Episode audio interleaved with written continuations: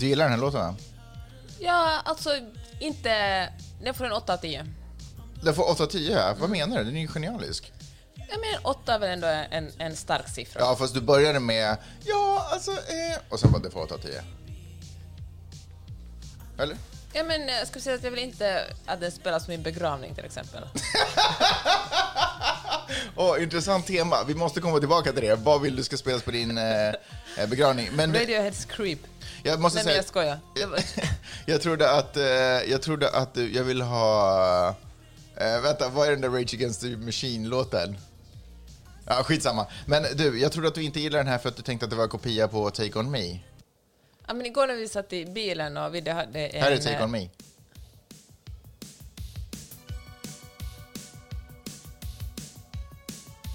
Alltså jag gillar ju eh, 80 det här soundet, alltså också i den andra låten. Ja men vad sa du, igår När vi satt i bilen? bilen och hade, vi hade en Playdate-kompis med sig, så han, play, när vi hörde början på The Weeknds versionen Mm. här, så han så här... Weekend, Weekends version av den här, ja. Ja, jag fattar. Varför. Och, Okej. och då sa han så här att min, det, här är min mamma, det här var min mammas favoritlåt när hon var tonåring. Det var faktiskt gulligt. Hör du, eh, vi drar igång en liten poddis, vad säger du om det? Du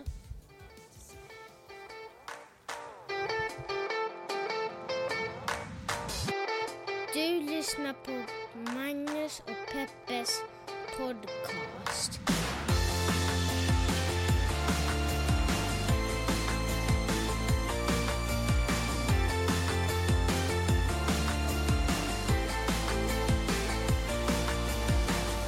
Jabbadabadabadu! Nej, fy fasiken vad obehagligt att börja som Flintstones. Hjärtligt välkommen till podcasten som heter Magnus och Peppes podcast. En liten podcast där vi pratar om stora och små händelser i världen och så gör vi det ur ett journalistiskt, feministiskt och mediegranskande perspektiv. K- kul att så många nya har hittat till den här podden. Ni är hjärtligt välkomna. Om ni inte känner till konceptet så spola tillbaka några sekunder och lyssna på vad jag precis sa. Eh, vi pratar alltså om eh, saker som händer runt omkring oss i världen. Eh, med mig i studion, som tillika är vårt vardagsrum, är Jeanette Marie Öhman och min hustru. Hej, Hej! hur är läget? Tack, det är bra. Eh, hur har veckan varit? Det har varit en bra Vad är grejen med det enorma flinet du har på äh, läpparna just nu? Jag är bara glad över att du inte presenterar mig som din co-host. Ja. Nej, men det är ju min födelsedagsvecka. Vi, vi glider Inte in i min det- födelsedagsvecka. ja, vi glider in i den. Vad, vad innebär att din födelsedags... Vänta, vad in, wow! vad innebär att din födelsedagsvecka? Alltså, jag vet, jag Är det extra bara, pressure på mig? Ja, det är det. Varför det kan det. inte du bara ha vanligt som födelsedagar som alla andra har? Det, Nej, men- Du tog väl inte en vecka på dig att komma ut ur din mamma? Ja, det vet jag faktiskt inte. Nej, men alltså, jag har ju verkligen... Det är okej, Magnus. Nu låter jag som den där personen som vill att man ska fira mig i en hel vecka. Mm. Och det vill jag ju såklart att man gör. Men... eh, Nej, jag, vet, jag ville bara säga det. Jag tycker att det är kul när folk gratulerar mig på födelsedagen. Ja, och det får man gärna göra under en hel vecka. Ja, 12 augusti, glöm aldrig det. Glöm aldrig det datumet, ni vet vad ni hörde det först. Kändes som att man skulle säga det där. Eh, inte min födelsedagsvecka, jag är inte långt eh, därpå. Du, eh, tillbaka till din födelsedagsvecka. Dagen efter min mors födelsedag, Mm. vad är, är inte det ett sjukt sammanträffande ändå? Nej, Magnus, det är det verkligen inte. Är det inte? Folk föds ibland under Nej, men- årets dagar. Att Är- din, din mor fyller år en dag före mig. Jag vet inte om det är ett sjukt sammanträffande. Vet du om att om man är i ett rum, typ var tionde person är födda på samma dag? Ja, vad spännande. Alltså om man är i ett rum med tio personer så är det väldigt hög sannolikhet att en av dem är född på samma dag. För mig så går det inte riktigt ihop matematiskt eftersom det finns 365 dagar på året. Hur det kan vara på det sättet, men tydligen så är det så någon som har... Det där är typ ett street-trolleritricks. de senaste sex månaderna när man typ bara träffar sin familj Vad, vad sa du? stämmer det verkligen inte. Nej, nej. Men det där är sådana street-trolleritricks som, eh, du vet, de tar någon på gatan så går de in i en affär och bara, jag lovar att här inne kommer det finnas någon som har din födelsedag. Och så är det typ alltid det. Men jag har en Rose fyller år den 12 augusti. Ja, du ser. Du har en Och det Rose som fyller år. Och Martin fyller år den 3 september. Som råkar vara då min födelsedag. Och tillika Martins då. Och när jag gick i skolan så var min franska lärare och Nej, engelska lärare. Magnus, är det sant? Ja, nej, det är stort det här. Och, och väldigt intressant att prata om länge. För att inte alla att lyssna.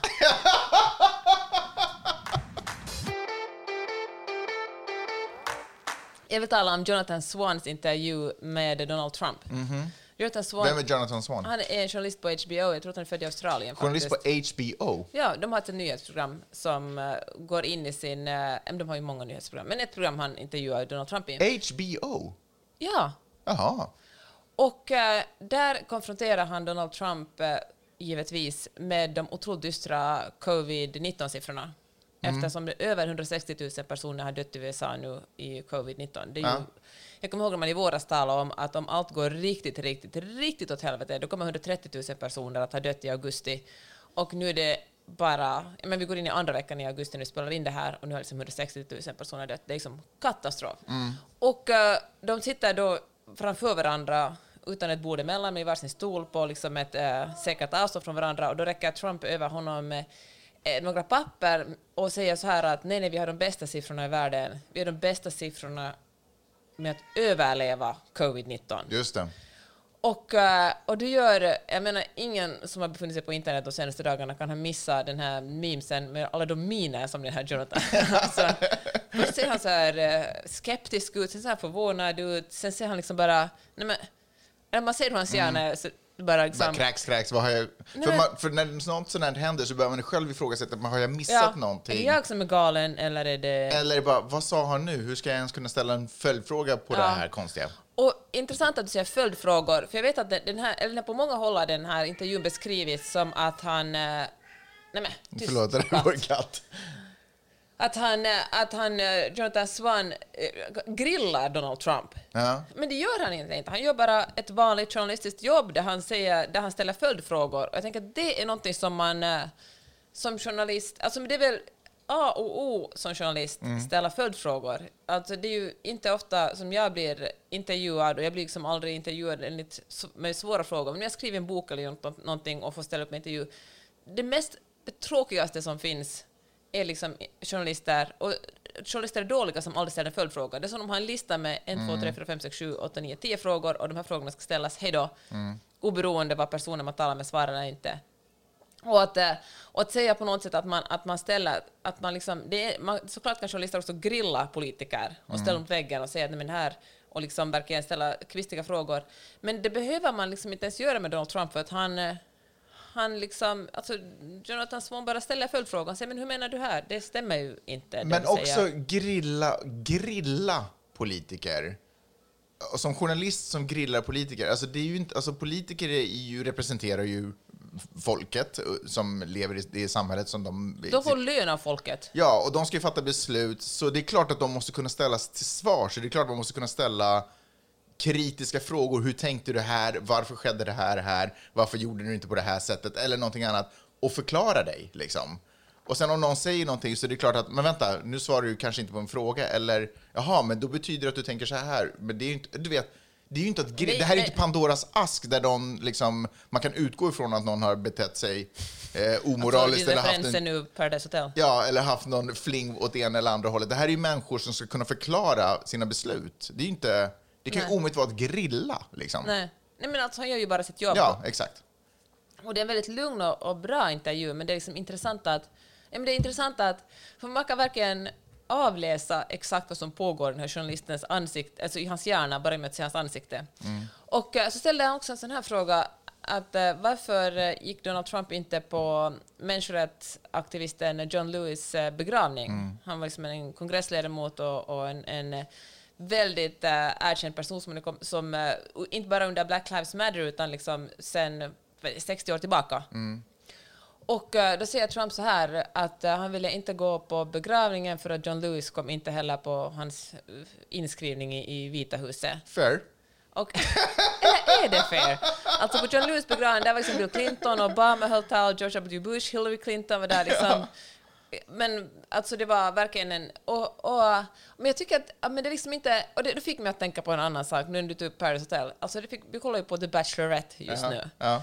Och eh, det är ju verkligen det är ju en, en dokusåpa som är ganska... Det är ju inte förnedrings-tv riktigt på samma sätt som till och med Paris Hotel. Men, och det är ju väldigt, det är ett väldigt humoristiskt program också. Och det finns, det, och det finns ju alltid speciella typer där, varav en, en som är en manlig modell vars hela identitet i, i den här i den här um, dokusåpan är att han är en manlig modell. Och han, liksom, han kan också bara utgå från sig Och han själv. säger det aldrig heller. Man får lista ut det. Ja, verkligen. jobbar du som modell? Ja. Nej, men han, liksom, ja, det är så tydliga paralleller att, att hur den här personlighetstypen inte alls är unik på något sätt. Det är människor som verkligen bara kan utgå från sig själv. Ja. Alltså jag, jag ser det inte att det liksom att man är sociopat, jag tror det bara handlar om något slags begränsat intellekt, att aldrig kunna förstå hur andra människor upplever världen. Utan bara tänka så här att jag, är här och alla ska anpassa sig exakt efter hur jag upplever världen och de som inte gör det gör fel. Just i det fallet, huruvida Trump var där, inte, eh, var där eller inte, kan jag nog ändå känna att det var ett case of eh, damn if I do, damn if I don't. Uh, hade han varit där hade han ju bara, eftersom hans politiska ås agenda är ju liksom diametralt motsatt till vad John Lewis representerade och jobbade för, och som dessutom var demokrat, eh, så tror jag att det hade bara sett som ett foto upp och liksom, det hade inte sett med blida ögon egentligen alls. Hade den, det kunde inte ens gått, han kanske inte ens skulle behövt hålla, hålla tal där, bara gått och sutt, suttit, satt sig i publiken Fällt en tår och dragit liksom. Ja, men visa att han liksom är där, han kommer inte... Alltså det skulle aldrig hända på riktigt, men det handlar inte om mig, det, handlar om en annan person. Ja. men det är väl där som, som, som det liksom inte gick ihop. Men jag men, till- hör- men han sa ju också, för exempel Donald Trump sa ju också i samma intervju att ingen har gjort mer, e- eventuellt Abraham Lincoln, som då sägs ha liksom varit, varit den som liksom gjorde att slaveriet upphörde. Mm. Men eventuellt eh, Lincoln hade gjort mer för de svarta i USA, men Donald Trump kommer liksom på god andra plats. Mm. Samtidigt som i tidigare intervjuer har sagt att, liksom, att han fattar överhuvudtaget inte vad Black Lives Matter handlar om. Han tycker bara de är liksom anar- anarkister Mm. allihopa. Och då kanske man, eh, som den oinvigde lyssnaren, bara sådär, men vad är det för stor grej med, med eh, John Lewis? Varför, varför skulle... Ja, men vad, var, det- vad var den stora grejen med honom? Eh, och då kan jag bara beskriva det på det här sättet, att han, den här minnesceremonin eh, och hans, eh, nej, kanske inte jordsättning, men åtminstone minnesceremonin som hölls i Washington för John Lewis sändes på alla tv-kanaler live. Så stort var det. Alltså USA stannade, Fox. Det var inte så att det var så här, åh, republikaner mot demokrater. Fox, alla stannade upp och liksom visade det här live. Så stort var det. Så det hade liksom inte varit konstigt om han hade dykt upp och suttit där, därför att var, alla förväntades se det här och, och betrakta det här. Ja. ja, det var... Jag tycker det var John Lewis, innan han dog, några dagar innan han dog, hade han nu sagt någonting i stil med att han, han ser verkligen hopp i den här rörelsen, Black Lives Matter, och han ser liksom att USA rör sig framåt och hoppas att vi alla kan liksom jobba för det. Och tänk att, alltså, det är otroligt sorgligt att han dog, men tänk att få chansen att eh, nej, men på något sätt förbereda sig på så vis. Förbereda liksom sitt... eh, nej, men det här är liksom några sista ord som jag vill att ni ska bära med er. Ja, det var fint och sorgligt.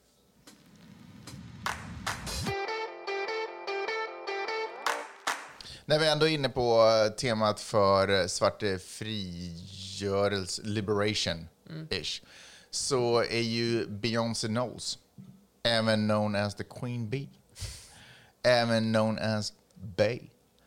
Hon är ju aktuell på Disney, Disney Channel med eh, filmen, eller det visuella albumet Black is King. Och vi började kolla några minuter på det. Och, och sen så slutade vi titta. Jag ska nog fortsätta titta på det här. Eh, vad jag, för- om jag förstått det hela rätt, beskrivningen av det, eh, och nu måste jag helt, är, helt ärligt erkänna att jag hämtar det mesta av den här informationen från Britta och Parises podcast, för de pratade också om det här. Eh, så, så är det liksom någon form av fortsättning på, för hon har ju varit röst i Lejonkungen, och det är någon form av fort, det här ska vara någon, ja, du vet, Lejonkungen inramning på svart kultur, ish kind of sort of. Har du några spontana kommentarer eller ska jag bara dyka ner i vad jag, kände, vad jag spontant kände? Uh, jag, nej, men, Har du några spontana kommentarer eller ska jag dra mina spontana kommentarer? Dra dina spontana kommentarer, Magnus. Nej men kolla här.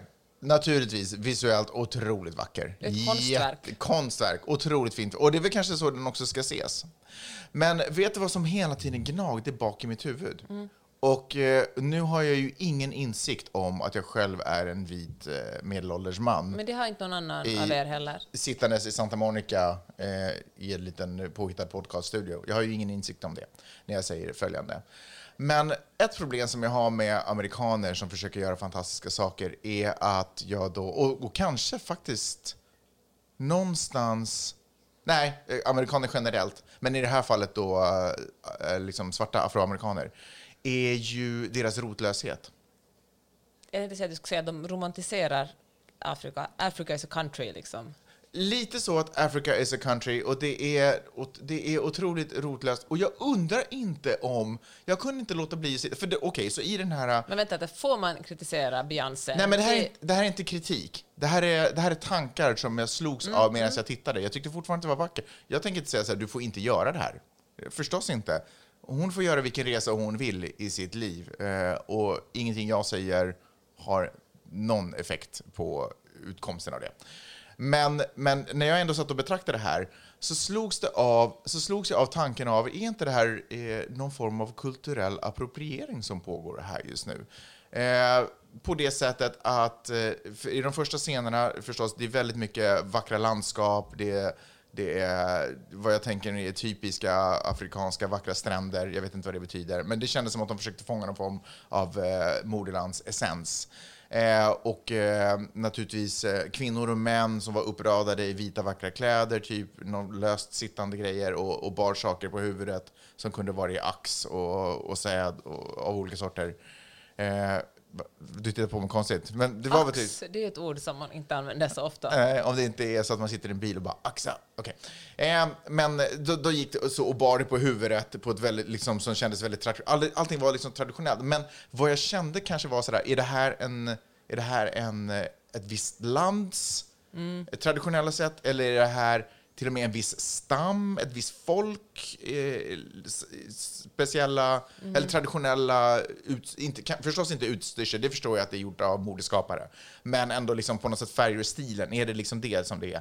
Eller är det här bara ett, är det här typ amerikanska in, eller indianer nu som vi bara, de har fjädrar i hatten, de har kanske röker fredspipa, vi tar lite det, de kanske rider häst och skjuter lite pilbåge, de kanske tar skalper. Du, är det, har vi bara mishmashat någonting av vad vi uppfattar som afrikanskt? Eller egentligen då inte vi, utan eh, Beyoncé och, och jag förstår att hon Nej, det gör jag ju inte. Men möjligen så kanske hon eh, försöker söka någon koppling till sina egna rötter. Jag vet inte, hon behöver komma upp till medelåldern själv också och börja fundera på vem hon egentligen är och vad hon kan göra för, för, eh, för att liksom bli tillfreds med en historia eller någonting som kanske hennes släkt har utsatts för och, och eller så, befunnit sig i. Men någonstans så det, känns det väldigt... Eh, I allt det här att försöka hitta rötter, som jag tänker att det handlar om, så kändes den väldigt rotlös. Jag förstår Den, den stannade ing, den, den kom in, den var... Den, Men kan man se det som ett konstverk? det kan man absolut göra. För det var så jag upplevde den. Jag, liksom, ja, men jag såg det som en... Ja, men det var konst snarare än en dokumentär. Mm. Men det, det finns ett vemod i det där också. Att eh, söka efter sina rötter och famla i blindo för vilka de är. För det är klart att hon inte kan, eller det vet inte jag, men jag, hon kanske inte kan spåra eh, släkt eller ursprung till en specifik plats eller någonting, utan tvingas ta att det säkert, det, ungefär så här upplever jag det. Att det, att det, förstår du vad jag menar? Att det, det, det, det är ju ledsamt på något sätt att inte kunna, att inte veta vad det är, utan bara t- hitta på symboler som känns rätt och bra. Skapa dem, kanske lite själv nästan. Jag förstår vad du menar, men eh, fan, det är svårt. Liksom. Va? Du menar att hon egentligen borde ha liksom, försökt... eh, Nej, jag menar inte, det här är inte alls Nej. något råd eller någon uppmaning till någonting. Jag bara på något sätt, Ja. jag, dra, jag, jag slogs av att det här känns sjukt rotlös när det uppenbarligen är Ja. ett projekt som handlar om att komma ner till rötter och ens ursprung och vem man är som människa och, Mm. och den hudfärg, att finna en stolthet i vem vem man är som människa också, Mm. trots att man i århundraden, eh, liksom, en, ens eh, familj och Mm. förfäder i århundraden har har blivit ifråntagna alla Mm. de symbolerna. Liksom, sp- allt, allt ifrån språk till kulturella uttryck. Liksom. Och nu när man är på, har möjlighet och är på den jakten efter att hitta det, bara inte... Det är ett omöjligt uppdrag nästan. Mm, jag förstår. Ja, nej men alltså, ja, ska vi se... Ja, ska och du, kan jag också få säga en sak till på det? För någonstans så blir det konsekvensen, eftersom den här resan då är för det publika ögat, Mm. så alla får titta på det här. Och många människor som inte ens har den ambitionen att söka eller förståelse, eller behöver, som jag, som inte behöver söka mina rötter i Afrika, eller känner ett behov av det, presenteras en bild Ja, av Afrika där det handlar om antiloper och, Vattenfall. och vattenfall och sitta på hästar. som såklart och, också är Afrika. och, och som också kanske är Afrika lika mycket som, som indianer är en speciell stam. Eller ursprungsbefolkningen i USA. Jo, men jag, för, nej, fast jag använder ordet indianer för att just visa att det, det, det är inte... Det är ju en ni... Det existerar. Du menar att an- indianer inte existerar? Nej, exakt. Indianer existerar inte. Nej. Precis. Nej, jag förstår vad du menar. Ja, ja bra spaning. Alltså jag... eh, Vad sa Britta Pariser då? Eh, det kommer det kom jag inte ihåg. Det var du mina, som har klippt den, Mina men- tankar drog iväg åt ett annat Ja. håll sen. För, jag satt och, för när jag sen började titta på den själv. Men kanske vi ska se vidare den och... och, och ja, vi kanske till och med ska se, hela, se slut den. Ja, jag ska absolut göra det, för den är väldigt vacker. Mm. Om inte annat som konstverk betraktad.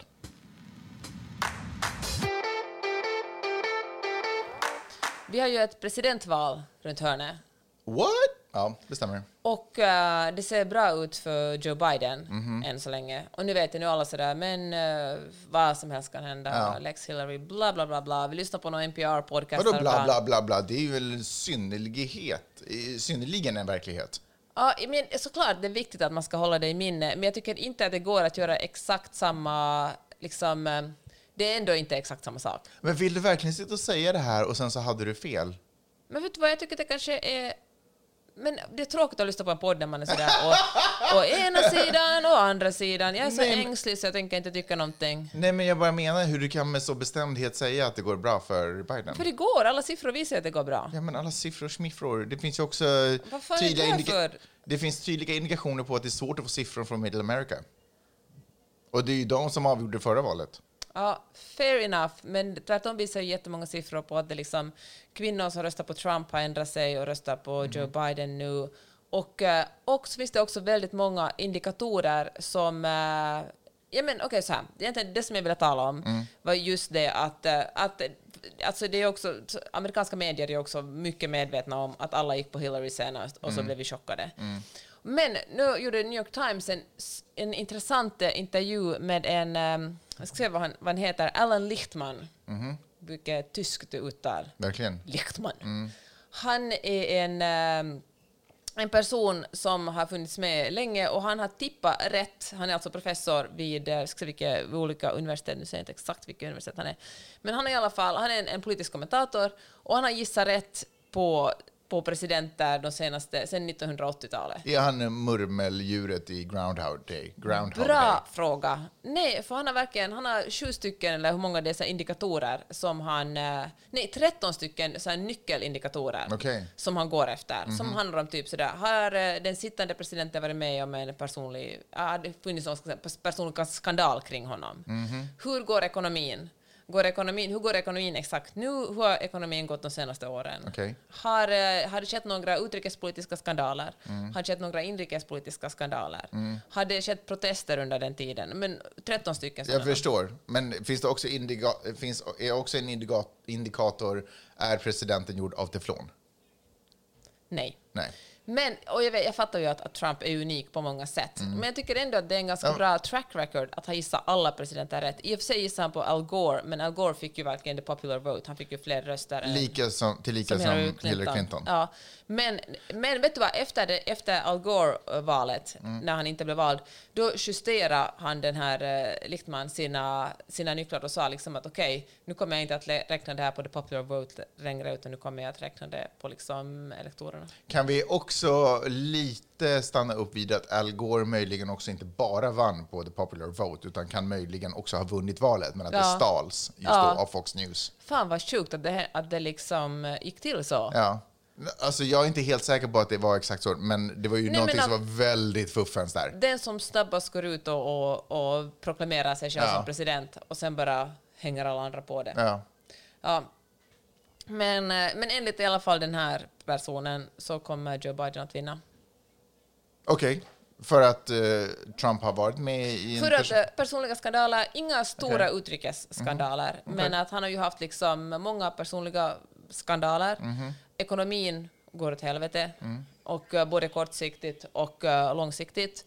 Och, eh, Ja, men det, det var liksom inte en stor... Jag skulle lägga upp den här, den här listan på, på vår Facebook, Magnus Peppers podcast Facebook-sida, så kan man kolla på alla de här, de här nyckelfaktorerna. Mm. Men det var liksom inte med många som Joe Biden vann, men han vann dem i alla fall. Mm. Sen kan ju mycket hända. Det kan ju vara att Joe Biden gör någonting absurt, säger någonting dumt. Han har ju liksom en, en han i sin tur har ju en track record av att säga liksom konstiga saker. Ja. Så det kan ju, vad som helst kan ju hända ännu under de här kommande tre månaderna innan valet. Men du menar att om man inte tappar bollen så borde han kunna springa i mål? Ja, det borde han Jag kunna vet inte göra. vad det är för sport jag refererar till. Nej. Men Sen är det här året... kanske rugby, tänker jag. Sen är det, ja, faktiskt, det här året är också speciellt på grund av att folk inte kommer att komma till valurnorna som förut. Nej. Alltså på grund av covid-19 så kommer folk att poströsta och Donald Trump har gjort sitt bästa för att underminera poströstningen. Mm. Och kanske underminera den, vilket är konstigt eftersom det inte finns något det finns liksom inga tydliga bevis på vem som kommer att förlora liksom, om, man, eh, om man poströstar eller vem som kommer att gynnas av det. Generellt har, har många av äldre republikaner, alltså äldre människor som är mer, har en större tendens att rösta på publik- republikanerna, har historiskt valt att poströsta. Folk som inte har orkat ta sig ut till valurnorna, folk som liksom långt innan bestämt sig för vem de ska rösta på. Så att om det här ska vara ett vanligt år och folk skulle poströsta, då skulle kanske republikanerna missgynnas av det, medan demokraterna skulle vinna på det. Men nu på grund av att eh, alla stannar hemma och poströstar, eller väldigt, väldigt många, så är det svårt att avgöra liksom, om det är en bra eller en dålig sak. Men det tror jag som Donald Trump kommer att göra, att han kommer liksom att, att underminera förtroende för poströstning generellt.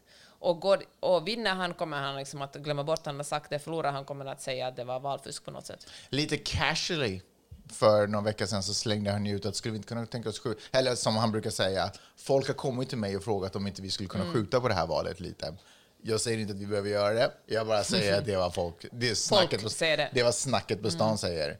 Och det har ju egentligen aldrig skett, tror jag, i amerikansk historia. Det skedde inte under pandemin i början på 1900-talet med spanska flugan. Och det har, inte skett, det har inte ens skett under the civil war. Och till och med då, under inbördeskriget, gick folk och, röstade. Det är för det inte går, alltså det är otroligt svårt, då måste kongressen godkänna det. Ja. Men just- vilken diktator-move att ens Men- bara liksom men- kasta ja. ut det där. Men det, ja, men det är praktiskt taget omöjligt. Jag tror att, man, att det finns någon slags möjlighet att skjuta upp, den, skjuta upp valet med eventuellt en vecka, men det, är liksom, det är ungefär spelutrymme man har där. Och Ja. eftersom kongressen är ju nu domineras av dem, demokraterna så ser det illa ut för att det ska ens komma på tal. Men jag tycker det är intressant det där med poströster, hur det egentligen i praktiken kommer att fungera. För vi fick ju ett paket igår som jag alltså väntat på, alltså som kom med posten, United States Postal Service, eh, som jag väntat på i typ två, tre månader. Och det är ju en ganska lång delay om det handlar om röster. Ja, och grejen är den i Plus USA... att många vittnar om att posten inte ens kommer fram. Ja, det är verkligen ett stort problem. Och eh, ett problem är ju också det att poströstningen ser olika ut, ut i olika delstater. Alltså att rösta gör man inte på federal nivå, även när det handlar om, om presidentvalet, utan det är liksom en, en lokal angelägenhet. Så olika delstater har olika lagar kring röstningen. Så vissa röster måste vara framme på röstdagen för att räknas. Andra röster räcker med att man har postat dem på röstningsdagen eller innan det.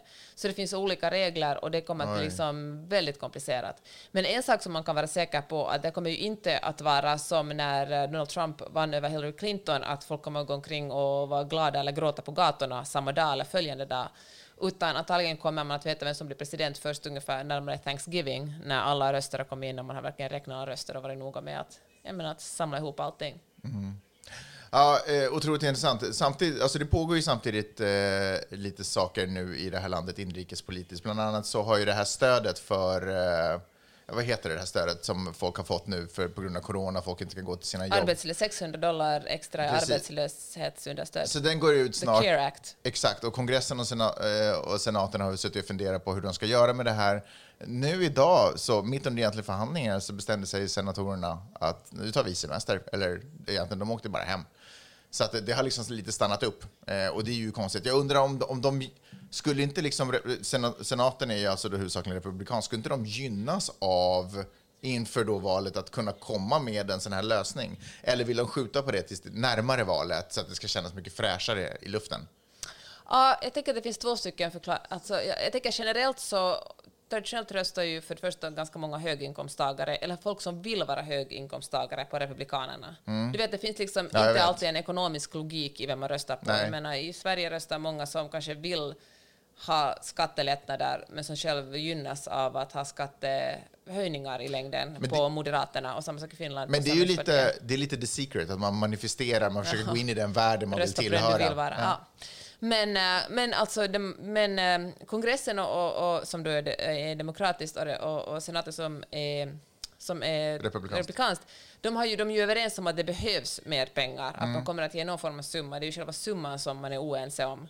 Och Demokraterna de vill ha ett stödpaket på drygt 3 biljoner. Nu låter det som jag skulle tala Kalle Anka-språk, men Mm. det finns verkligen biljoner. En biljon är, är, är tusen miljarder. Jaha. Medan Republikanerna säger att... En biljon på svenska? Ja, Jaha, okej. Jag trodde att det var ett fel sätt Ja, att säga ja. miljard. Okej. Medan Republikanerna säger att de kan på sin höjd ge liksom en biljon dollar. Det är liksom verkligen taket för dem. Och eh, det är ju såna otroliga liksom, otro, alltså hittepåsummor. Och många av de här, många delstater går nu på knäna. Alltså också, det gick inte, alltså många, många, hade, många delstater hade liksom, gick på knäna också innan coronakrisen. Liksom. Och nu är liksom man bankrutt, till och med Kalifornien som är en av de rikaste delstaterna börjar liksom ha slut på pengar helt enkelt. Och det bör, vad vad ska man göra? Bara trycka upp mera pengar liksom? Eller det finns ju... Ja, det går inte bra ekonomiskt för USA just nu. Nej. Alltså så här, så här står det. Den, hela den federala budgeten för 2020, alltså innan, innan den här coronakrisen, Ja. var på 4,7 biljoner dollar. Oj, innan. shit. Och då har man ju delat ut en hel del pengar och Ja. nu vill, nu vill liksom Demokraterna ta 3 biljoner av de här. Det är ju helt... eh, Ja, men det är sådana fantasier att man knappt kan fatta det. Lite Ja, helt sjukt. Eh, lite tillbaks till eh, coronaviruset. Eh, bara generellt, den amerikanska statistiken, är inne på New York Times. Det är väldigt viktigt att, för att, eh, okej, jag är inne på New York Times. New cases in the United States. Eh, senaste 14 dag, förändringen de senaste 14 dagarna är minus 18 procent. Så trenden är att det går neråt.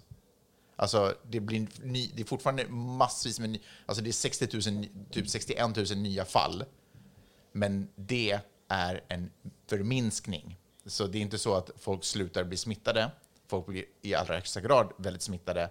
Men vi börjar sakta men säkert närma oss en platå. Eh, Som är nödvändigt att uppnå innan man kan börja gå neråt. Eh, Sverige har ju redan, eh, där börjar det ju, det är inte minus, alltså folk dör i Sverige också, men jag tror att det typ var så här en eller två om dagen nu. Mm, jag tror häromdagen var det till och med ingen som Ja, till och med. Och det är ju otroligt, Mm. otroligt trevligt. Speciellt eftersom coronaviruset också skapar någon form av sådär... Det, det har börjat upp, uppstå någonting, typ någon sån här eh, coronapatriotism, Mm. liksom, där man står upp för hur ett eget land har hanterat det här. Jag får eh, textmeddelanden från kompisar från andra länder som är sådär, vitsi vi är bra, vi har gjort eh, fantastiska beslut och här är det safe och tryggt att leva och vara. Hur kan ni befinna er i USA som är en smitthärd? Eh, men det är vad det är. Olika, alltså alla länder har ju olika förutsättningar naturligtvis. Och, och i USA, i de södra, i sydstaterna, så är den här känslan, alltså den här känslan att vara amerikan är så djupt förankrad i att jag bestämmer över mitt eget liv och mitt eget... Alltså det är inte ett, det är inte ett community-tänk på det sättet där vi tar hand om varandra, utan det är jag ensam stark, den, den grejen. Och då kommer det ha de konsekvenserna att de tar, men åtminstone lever de människorna så som de vill leva. Förstår vad jag menar? Att det, det är liksom ett givande och tagande. Andra delstater ser på det på ett annat sätt. Eh, och då ser siffrorna lite annorlunda ut i de delstaterna. Så det, det är svårt och komplicerat. Eh, anledningen till att jag tar upp det här är för att en av de här kärnfrågorna, brinnande frågorna, nästan lite så här, har vårt land gjort det bra ifrån oss, är om skolorna är öppna. Kan barn gå tillbaka till skolorna? Har blivit lite måttstock på om vi är ett vettigt land eller inte ett vettigt land. Eh, och till exempel i, här där vi bor, så där kommer skolorna nu vara stängda. De börjar väl den, typ den 24 augusti, det blev lite framskjutet några dagar. Typ 24 augusti och de kommer, det kommer vara hemskolning åtminstone året ut. Men jag läste nyss att New York, eh, delar av New York kommer få tillstånd av guvernören att öppna upp, men då, då har de gjort det ännu mindre så att olika platser i New York får lite bestämma själva. Och, och jag tycker att det på något sätt är vettigt därför att olika områden har helt olika förutsättningar. Det är gigantiska platser det här. Liksom. Eh, där folk lever helt separata liv. Jag menar, tänk om du, eh, vad heter det, eh, den där, den där, den där judarna, den, den där falangen av judar som Chassidio där. Ja, men du vet, de bor helt i sina egna kvarter och har helt sitt eget styre så gott som. Eh, Så det är klart att de måste fatta beslut om när det kommer till skolgång på ett helt annat sätt än vad till exempel en annan skola kan göra i Hamptons eller vad tusan det, det är. Så, så ser det ut. Ehm, har skulle du säga något? Eller? Nej, men jag tänker bara på att, eh, att diskussionerna är ju väldigt hårda här också. Och folk, tyck har, eller folk har väldigt starka åsikter och väldigt olika åsikter. Vissa människor är livrädda för att deras barn ska gå till skolan, bli smittade och dö. Och eh, Trump är ju en, han han vill ju öppna skolorna, han vill att allt ska återgå till det normala så fort som möjligt. Och han gick faktiskt ut med en, eller hans liksom, em, kampanj, hans kampanj gick ut med en tweet där, där, han citerades, där, där han sa att, eh, att barn är praktiskt taget immuna mot det här viruset. Och det var faktiskt det första, som både face, första, första kommentaren som Facebook tog bort helt. Det, och det var liksom unikt eftersom Facebook verkligen har varit så här, eh, ja, vi står för yttrandefrihet, folket måste själva avgöra vad som är sant och vad som är falskt, vi kommer inte att censurera någonting. Men eh, tydligen har de också haft en policy nu kring att det som är falsk information gällande just covid-19 är någonting som de kommer att ta bort eftersom det har så stora konsekvenser på folks liv och död. Så, det, så det, det gick till historien som till det första som Facebook tog bort, Twitter tog också bort den.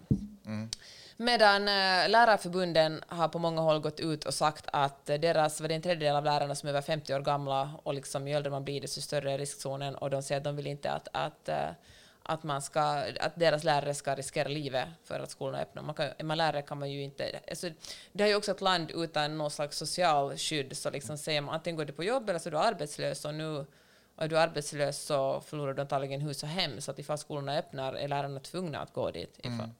Det, men får, jag, får, får jag bara säga det här? För jag tycker att oftast när jag hör folk argumentera för skolors öppnande eller inte öppnande så pratar man just ur aspekten att barn kan inte bli sjuka eller, eller eh, smittspridare på det sättet. Men Fast smittspridare, det är väl grejen att de kan vara smittspridare Jo, de nej, men förlåt, att de, själva. att de inte får symptom. Jag vet inte, jag Ja. blandade ihop terminologi. Skitsamma. Men precis det. För det är klart att de kan vara smittspridare. Det är ju som att gå omkring på och ha insekter på sig. Det är klart att de kanske, de kanske inte biter dig, men de kan ju fortfarande hoppa över till en annan människa. Ja. Eh, och, men för mig har det här med att ha skolor stängda eller öppna, det har ju handlat om de som jobbar i skolor. Eh, och speciellt i det här landet så är det ju inte nödvändigtvis bara välbärgade människor som sitter i administrationen, i, utan de kanske åker hem till helt andra områden i, i Los Angeles som har helt andra förutsättningar, där folk lever på ett helt annat sätt, mycket närmare med familjer och äldre som kanske bor i hemmet. Det, det är ju liksom för, för de som jobbar i skolan, och för lärare för den delen, som man ska hålla sig borta från skolan. Fan, det är svårt, och det är svårt att ha liksom en... en, en jag, jag tycker att det är svårt med en åsikt, för, jag, för att ha liksom en stark åsikt i den här frågan, för jag kan ju också förstå att barn som inte går i skola kommer att drabbas otroligt hårt av det. Alltså inte bara den sociala biten, utan barn som växer upp i familjer som men, familjer som är våldsamma. Tydligen har liksom rapporter om, om våld gått ner otroligt mycket, för det är så vanligt att det är sko som skolan som rapporterar om det. Nu när barn inte går till skolan utan är inställda liksom, Nej. instängda liksom med sina familjer eller vilket sammanhang de befinner sig i, så finns det ingen som ser att de, att de mår dåligt. Och sen tror jag också att rent, alltså, ett, alltså världshälso, alltså WHO gick ju också ut idag eller igår med liksom en varning att, att själva liksom, barn, den här, det här är liksom en generation barn som faktiskt kommer att halka efter i inlärande. Att inte gå i skola liksom. Vissa människor har ju, alltså det är jättevanligt, alltså rika föräldrar här tar ju inte tutorer som hjälper sina barn att ta in liksom externa lärare som håller så att deras barn ska kunna hålla upp takten, men det är ju verkligen inte alla råd med. Så att jag tror att det kommer att ha jätte, att skolorna är stängda kommer att ha liksom mycket stora konsekvenser på barns mående och kunnande. 100 procent. Men det är klart att det här är en svår fråga. Mm. Men det som jag tycker är egentligen det största problemet är när det varken blir hackat eller malet. Alltså om man skulle göra en kraftansträngning, Mm. blocka ner alltihopa. Om vi, om vi hade gjort det runt sportlovsveckan där, Mm. om alla hade gjort en kraftansträngning, hållit det contain, liksom verkligen, då tror jag att situationen var helt annorlunda. Men när det liksom blir lite Ja. sådär hackat eller malet, då kommer det här dra ut på Och det är just det som är problemet här i USA, och liksom, jag inte säga Los Angeles och Kalifornien, men verkligen hela USA, att man verkligen inte höll ut. Det var ju vidrigt att sitta i lockdown med stränderna stängda, trailern stängda och allting, men nu säger man att det enda sättet man verkligen, det har spridit sig så mycket att det enda sättet man kan få slut på det här viruset är genom att stänga ner. Ja.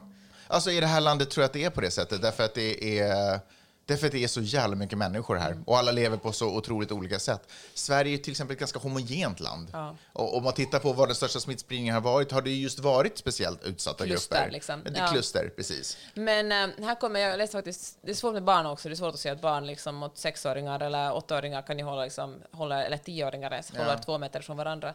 Men vissa universitet kommer ju att öppna, jag läste precis nu på LA Times att USC, mitt gamla universitet, kommer att öppna mellan 10 och, eh, så att det är liksom 10 till 20 20 procents kapacitet fysiskt så att man kan, de här unga människorna kan gå till campuset och liksom ha föreläsningar där. Men jag tycker det här visar också på, eh, också när man pratar om så här, hur, eh, klimatkris och sådana saker, hur sjukt obenägna vi är. Till och med när vi står inför en pandemi som tar liv rakt, liksom från dag till dag, så är vi ändå så jäkla obenägna att förändra på vår livsstil. Och vår, egna be- vår egen bekvämlighet. Ja, vi har så otroligt svårt att respektera all och acceptera allvaret i den situation som uppstår. Och, också titt, och det här är också det att alla har inte samma förutsättningar. Och så står man och tittar på länder med helt andra förutsättningar, men de kan ju, varför kan Ja. inte vi? Därför att de har helt andra, det är samma anledning till att du kan, äta, jag, du kan äta en hel chipspåse utan att ens påverkas, och du kan inte. Vi har olika förutsättningar. Och man måste ju se till de förutsättningarna och ta det på allvar. Och bara göra det är inte ens för evigt. Bara gör det ur en koncentrerad period, gör det ordentligt. Men om man inte ens kan släppa på det. Nej, men det är också svårt för att det, alltså, politik i det här landet måste man verkligen dra med liksom den trubbiga penseln eller pennan. Alltså det, folk, eller jag tänker det kanske gäller överallt, det är antingen svart eller vitt. Antingen gör man så här eller så gör man inte så här. Antingen öppnar man upp eller så öppnar man inte upp. Det är liksom svårt med nyanser. Jag tror det är svårt för politiker också att kommunicera ut nyanser. Utan, och det kanske delvis grundar sig också att det finns ett tvåpartisystem här. Det finns liksom antingen är man Ja, demokrat eller så är man republikan. gott, ja. Ja. Och då liksom är det bara att välja sida. Det finns ingen gråskala riktigt man kan Gud vad intressant. Det, det är ju faktiskt en av fördelarna med att ha ett flerpartisystem, att man förstår att det finns, det finns liksom lite det här, lite det här, kompromisser emellan, gråskalor, Mm. men också ytterligheter. Medan här, ja, men det här landet har ju inte alltid varit ett tvåpartisystem, även fast det nog större delen av tiden har varit det. Ja, men alltså kanske någon gång har det varit det tredje. Ja, men det, Ett- finns, alltså, det, är ju alltså, det finns ju ibland liksom ett, ett, ett grönt alternativ, eller det kommer Exakt. partier, men nästan alltid så skäl det ju bara röster från Ja. antingen oftast Demokraterna eller så... Eller de skapar ju aldrig en grå skala, ett spektrum, Nej, utan nej. det blir ju alltid Det är bara, att det andra, som inte, det andra partiet vinner på det. Liksom. Ja, exakt. Ja, så är det. Men faktum kvarstår, skolor är stängda åtminstone för vår del, så det blir hemskolning. Hur känner du inför det? Du, jag är peppad till tänderna. Jag är förberedd. Och ska jag helt ärlig, jag kom ganska bra in i det i slutet på, in, inför, inför sommaren. Men eh, så att, eh, just i vårt fall tror jag inte att det kommer ha några katastrofala följder. Här har man ju ordnat så här små poddar i, och det menar jag liksom inte en Podcast. podcaster. Så jag har skitmycket att göra nu som du förstår. Nej, men för barn vars föräldrar måste gå på jobb och Mm. de inte har liksom råd eller möjlighet till barnanpassning så kan man uh, föra sina barn till uh, nej, men typ eh, vissa lokaler där barnen blir, får sitta med långt ifrån varandra. De får liksom ingen direkt undervisning, men de får, eh, i LA får man också Chromebooks som, Mm. man, som barnen, som skolan liksom delar ut. Och så får man sitta och jobba där tillsammans med ett visst antal barn. Men det här är liksom för barn till liksom essential workers och andra människor som... Och, och de får också mat där och barn som annars också får gratis mat i skolan som Mm. vars föräldrar lever under en viss inkomstgräns. Jag förstår också att det här landet är ju ett land där vissa barn är beroende av att gå till skolan för att få lunch, Mm. för att få mat. Men vet du vad, så är det i Finland också, jag tror i Sverige. Inte, inte, lika, inte lika stor utsträckning. Ja, herregud. Men det kommer alltså, man får rapporter om hur folk, barn kommer till skolan, eller man som jag ska få en sån rapport, men jag som har läst om det, hur barn kommer till skolan på måndagarna är vrålhungriga alltid, Oj. Eftersom, det, ja, det var skrat med sånt under helgerna. Men alltså, det måste säga, alltså, när vi talar om USA så är det ju lätt att, att det är väldigt lätt att man själv faller in i den där eh, jargongen där man säger att USA är så dålig på det ena, USA har ingen socialskydd och inte det ena och det andra. Men för mig, men för mig är det ju, alltså det varit otroligt hälsosamt att säga att det, ja det är så, men men det finns ju också, men det, men det är inte helt svart, alltså det finns verkligen gratis mat för vissa i skolan, inte för alla men för vissa, och att man ordnar liksom, de får sina Chromebooks hem och man ordnar så att, att de barnen som inte, vars föräldrar absolut inte har möjlighet att stanna hemma med dem nu under hemskolningen, att de verkligen kan gå någonstans och, och, och jobba. Alltså det finns eh, någon form av, eh, det finns liksom en, en, en liten strimma av socialskydd, att säga att det finns någon socia- socialskydd är liksom inte helt sanningen. Förstår du vad jag menar? Ja, 100 procent. Men, men problemet är ju det liksom att det bara finns skydd för de som verkligen har det allra värst och knappt det gör ju liksom att hela samhället, det påverkar, påverkar ju hela samhället. För det första för att det är en sån skam att ta emot någonting från staten. Det är liksom, det finns en otrolig, medan vi liksom i i Norden är stolta över vårt väl, välfärdssamhälle. Jag var så att jag kan vara hemma nästan ett år efter att ha fått barn och papporna kan vara hemma nästan ett år. Så är det liksom en, att ta emot de pengarna här du sa skulle vara någonting man verkligen skäms över. Det, beror, det handlar om att man inte kan ta hand om sig själv. Och hela den här kulturen kring det, att var man ska ta hand om sig själv, gör att folk lever väldigt ofria. Vilket samtidigt är ironiskt eftersom samtidigt handlar, är ju liksom den amerikanska självbilden att det är det friaste folket i världen. Men det att leva Ja, men att, det, att, det, att få hjälp är skamfyllt gör att man liksom... nej, Men där, då är man liksom nästan en... Då, går man, då kan man förlora allt om man förlorar sitt jobb. Ja, jag vet inte. Men du fattar vad jag menar, Magnus. Ja, bra snack.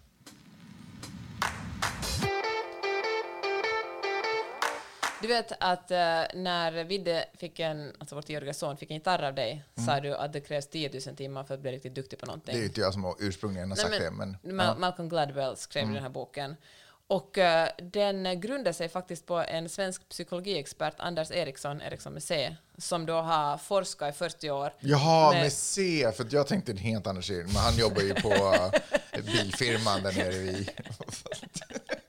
Nu jag tänker låta det så amerikanskt. jag menar inte...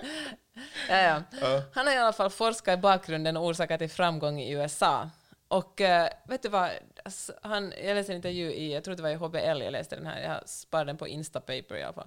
Han säger så här, det finns inga underbarn, enastående gener eller naturtalanger. Vägen till framgång och expertis går istället via 5 000 till 30, 30 000 timmars handledd och målmedveten övning med fokus på kvalitet. Alltså det räcker inte att du sitter ensam och plinkar på din gitarr i 30 000 timmar, utan du måste få feedback hela tiden och det måste vara någon som är, är duktig, som är liksom duktig inom området. Men på något sätt var det, det var sådär, eh, du vet hur alla Men är föräldrar... inte det självklart? Om man sätter fingret på en ton och bara slår den i 10 000 timmar så blir man naturligtvis sjukt duktig på att knäppa just den tonen. Ja. Men du har ju förmodligen inte lärt dig någon annat. Liksom. Men jag tänker att den här artikeln är så bra påminnelse till folk som är sådär, ja, ja men den och den är ett sånt, en, en sån natur, alltså naturbegåvning är ju ett, ett ord man använder ganska ofta. Mm. Eller nej, vet du vad jag tänkte på? För att ibland presenterar du mig som en person som har studiehuvud. Ja.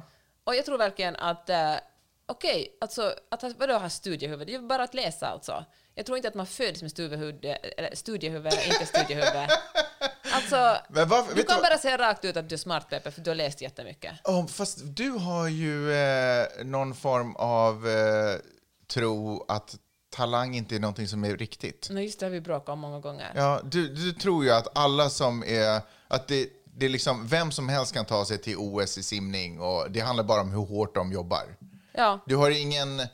Du har ingen... Och nu får jag bekräftelse av den här forskaren som säger att exakt så är det. Det finns ingen talang eller begåvning, utan allt handlar om hur mycket man tränar. Ja, fast det, det stämmer ju säkert till viss del, men det är ju inte... Det, ju, det finns ju de som kan komma lite snabbare och lite längre just på grund av att de har en talang, att deras kropp och deras fysik och deras synapser är kopplade på ett visst sätt så att de har en annan uppfattningsförmåga när det kommer till de här unika ämnena.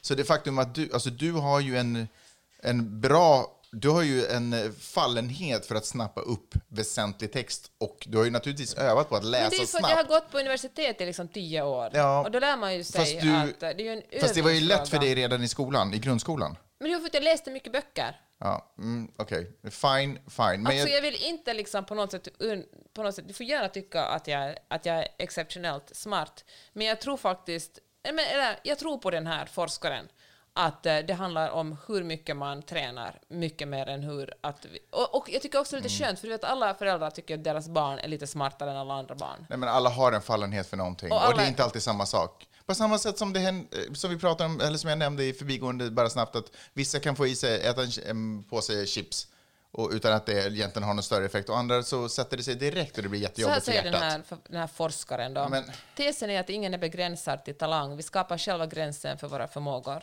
Ja, men eh, då skulle jag säga att det är en ofullständig studie och det, det, det stämmer inte. Men du, det kom, du gissar ju, det, Nej. kommer ifrån, det är ju en åsikt. Han Nej, det är inte sant. Alltså jag, jag hade till exempel när jag var yngre en musikalisk talang, så om jag hade närt den så spelar det ingen roll hur mycket du hade tränat på musik, du hade aldrig blivit lika bra som jag.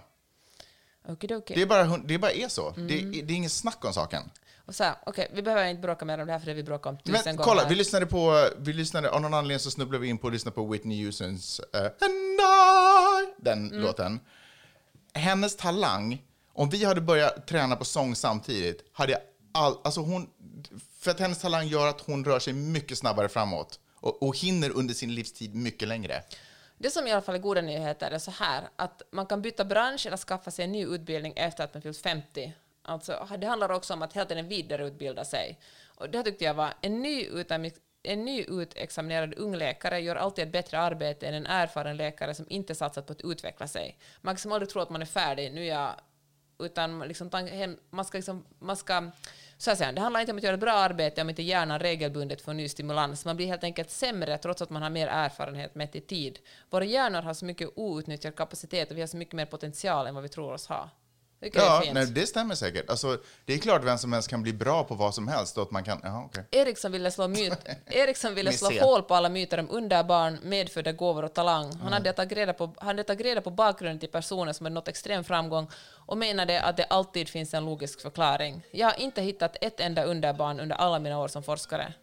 Ja, men då har han letat på fel ställen. 100 procent att det finns... Eh... Välkomna till den här podcasten där vi tror på fakta och forskning Nej, och inte magkänsla. Men du, det är en forskare Nej, med, har... med ett syfte. Han har försökt slå hål på myten. Han har redan varit inne i, eh, i, ett, i ett mode. Det är en forskare. Alltså han har whatever. gjort en forskning mellan, på olika universitet mellan 1976 och 2008. Ja, ja, ja, men... Eh, Ja, men det var i alla fall... Eh, ja, vad tycker men, ni som lyssnar på den här podden? Ni får gärna höra över. Vem har rätt? Men hörru, alltså... Jag orkar inte. Det, för, det, för det blir så dumt, för det, blir, det ligger så mycket laddning och värde i att olika människor har talang. Men för mig är det liksom inte ens... Jag förstår inte ens varför det här är ett problem. Vissa har bollsinne, andra har, bara har inte det. Mm. Vissa, vissa småbarn kan ta upp och bara jonglera med boll och andra liksom bara grejer inte det. Mm. Att man har bara fys fysiska förutsättningar för olika saker. Varför är det så konstigt? Betyder det att ett barn som inte tar upp en boll eh, när den är tre år inte skulle kunna bli duktig fotbollsspelare? Nej, det betyder det inte. Det är klart att den kan öva upp de skillsen. Men om båda har samma tempo så är det ingen snack om saken att vissa har fysiska förutsättningar. Vissa är för fan starkare än andra. Det handlar inte bara om att alla har gått på gym.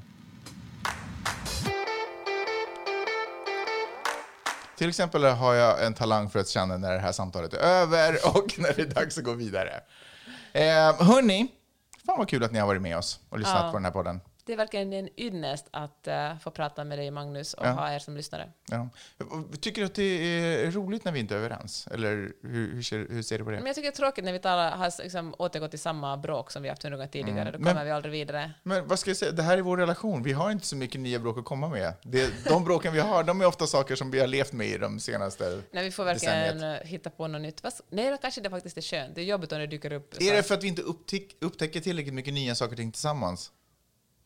Ja, vad ska vi göra då? Jag vet inte, vi måste kanske bara grotta ner oss och upptäcka något nytt ämne tillsammans. Fast om vi gör det tillsammans då kommer vi att tycka samma sak. Ja, kanske. Får Bergen sluta umgås så mycket. Ja, jag ber så hemskt mycket om ursäkt för att det är på det här sättet. Jag är i alla fall otroligt glad för att ni är med oss och att ni lyssnar. Eh, och igen välkomnar du, eh, du nya lyssnare. Eh, fantastiskt roligt. Jag hoppas att du uppskattar det här avsnittet. Är det så att du gör det så finns det ju fler att lyssna på. Och det kommer nya. Och det är också kul. Kan 307 kanske nu. Nå någonstans där, de, någonstans i de faggorna. Men nästa vecka är vi tillbaka med ett nytt avsnitt. Ta hand om er. Vi hörs. Hej. Hej!